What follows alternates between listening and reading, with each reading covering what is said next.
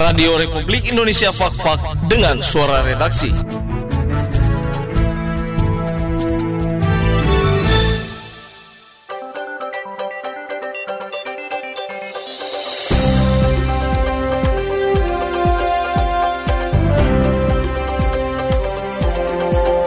Saya, Budi Rasidi, akan mengetengahkan peristiwa aktual dalam sepekan silam, Minggu 7 Februari 2021 di antaranya, pencarian korban laka laut oleh gabungan tim SAR, Pol Air, Angkatan Laut, dan Rapi, pola pembinaan warga binaan di lapas kelas 2B Fakfak di masa pandemi COVID-19, HUT Pekabaran Injil ke-166, dan FGD dalam rangka HUT HMI.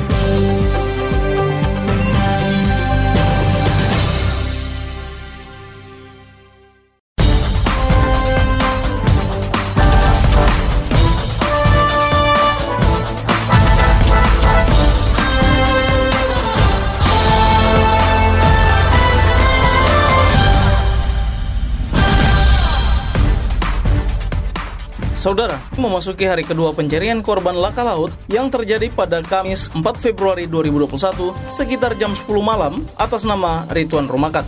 Warga dan juga tim gabungan Pol Air, Basarnas, serta TNI Angkatan Laut dan Rapi 03 Fakfak terus melakukan pencarian terhadap korban yang bertempat di perairan Laut Wayati.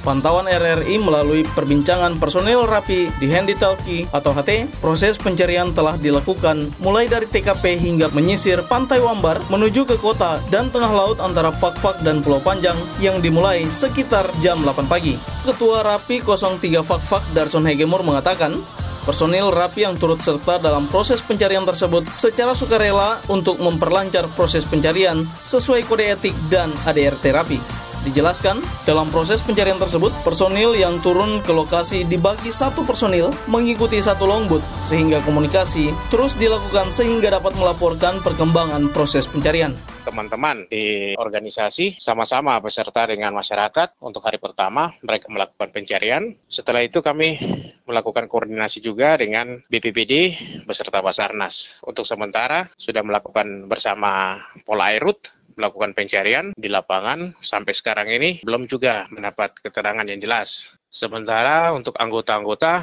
yang diterjunkan ke lapangan dari Radio Antar Penduduk Indonesia, itu di mana titik-titik lokasi kejadian, ada di Samai, ada di Pulau Panjang, dan juga ada di rumah korban empat orang selamat, satu orang yang memang sementara ini masih dicari. Jadi masing-masing longboat, masing-masing longboat yang kurang lebih ada sekitar 20 longboat ya. Permintaan dari keluarga bahwa minta tolong kepada Rapi supaya sama-sama untuk turun ke lapangan. Jadi kami juga beserta tim yang turun di lapangan ada bersama dengan Polairut dan Basarnas. Semua dilengkapi dengan radio komunikasi supaya jangan terputus komunikasi. Keluarga di rumah yang korban juga, mereka juga semua standby. Jadi seperti itu. Jadi bukan di titik lokasi saja 20 orang, tetapi ada juga di Samai, ada juga di Pulau Panjang yang sementara ini masih melakukan penyisiran. Untuk hari ini Sabtu, mereka sudah melakukan penyisiran mulai dari Wayati sampai ke depan Wambar, kemudian dari Wayati sampai ke depan Pulau Panjang.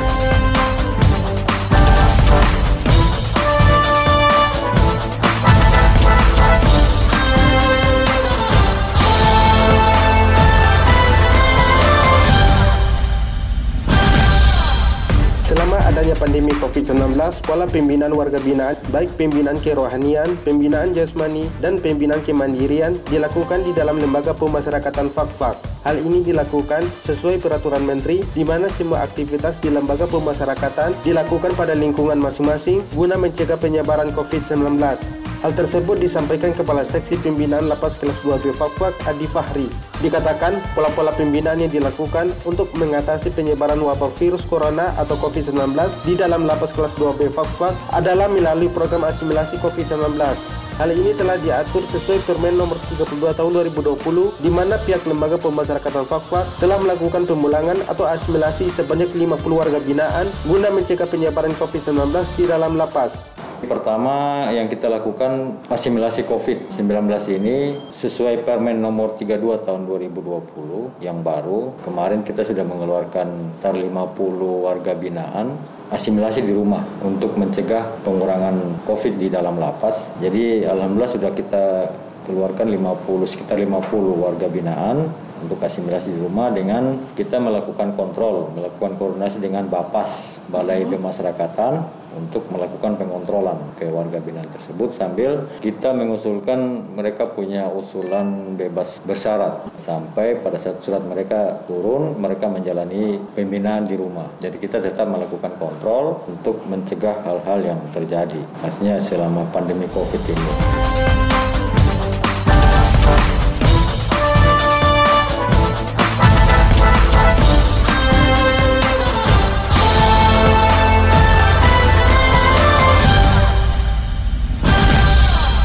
166 tahun sudah perjalanan Injil di tanah Papua yang dibawa oleh misionaris Otto dan Gessler yang dimulai dari Pulau Mansinam. Untuk mensyukuri pegabaran Injil tersebut, maka seluruh umat Nasrani melakukan ibadah syukur yang dilaksanakan pada masing-masing gereja berbeda dari tahun-tahun sebelumnya akibat dampak dari pandemi COVID-19. Namun untuk wilayah tiga klasis kokas kemarin dilaksanakan secara bersama di halaman SDPK Kampung Mambuni-Buni walau dengan kondisi tergenang air akibat hujan yang mengguyur mulai dari malam hari namun pelaksanaan ibadah tetap berjalan dengan hikmat. Pelayan firman Jemaat GKI Sion Mambuni-Buni, Pendeta Martin C. Matulesi saat menyampaikan khotbahnya menceritakan sejarah masuknya Injil di Papua untuk di Kabupaten Fakfak telah lebih dahulu masuk pada 16 April 1811 di Hana Air Besar dan kini telah berusia 210 tahun serta perempuan pertama yang menerima baptisan adalah Fatima Rengen. Dikatakan dalam melakukan pekabaran Injil tidak segampang yang dipikirkan karena terdapat banyak tantangan yang selalu menghampiri.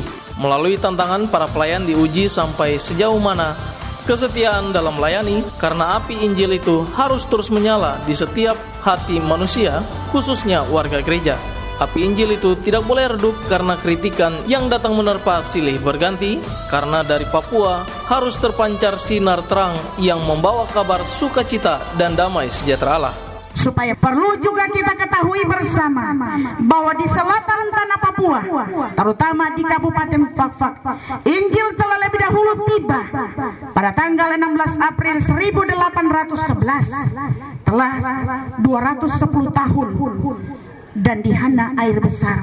Dimulainya pengabaran Injil dan perempuan pertama yang saat itu dibaptis adalah Fatimah Rengel itu tanda bahwa jauh sebelum dinikmati oleh bangsa Papua. Kita di bagian selatan, kita yang ada hidup di atas tanah Baham ini, kita telah lebih dahulu mendapatkan angin segar melalui pengabaran Injil. Pengabaran Injil itu dimulai di selatan ini lewat para guru-guru kita para penginjil-penginjil tua yang datang dari berbagai daerah antara lain dari Ambon, dari Maluku, dari Sangir Talaut dan lain-lain. Dengan kesetiaan mereka mengabdi bagi tanah ini dari kampung ke kampung tanpa mengenal lelah. Dan jerih juang mereka pula lah yang sementara kita nikmati pada saat ini.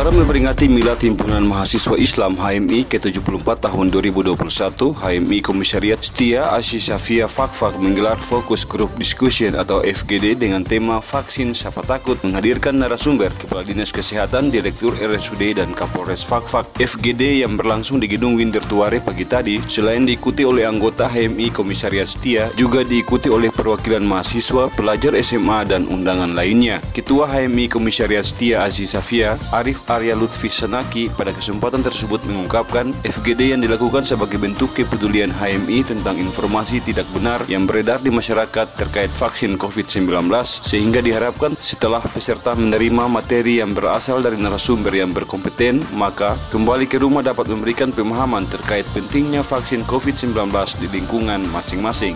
Adapun alasan kenapa kami membuat kegiatan ini, yang pertama yaitu karena adanya momen milad HMI yang ke-74 tahun.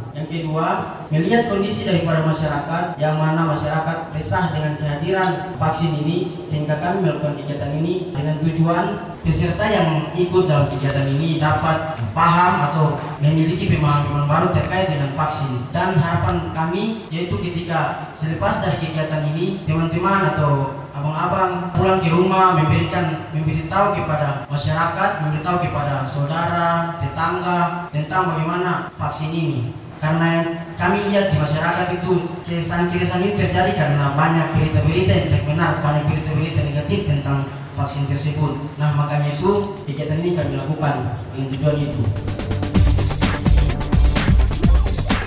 Sekian surah redaksi edisi kali ini. Atas nama seluruh kru yang bertugas, mengucapkan terima kasih dan sampai jumpa.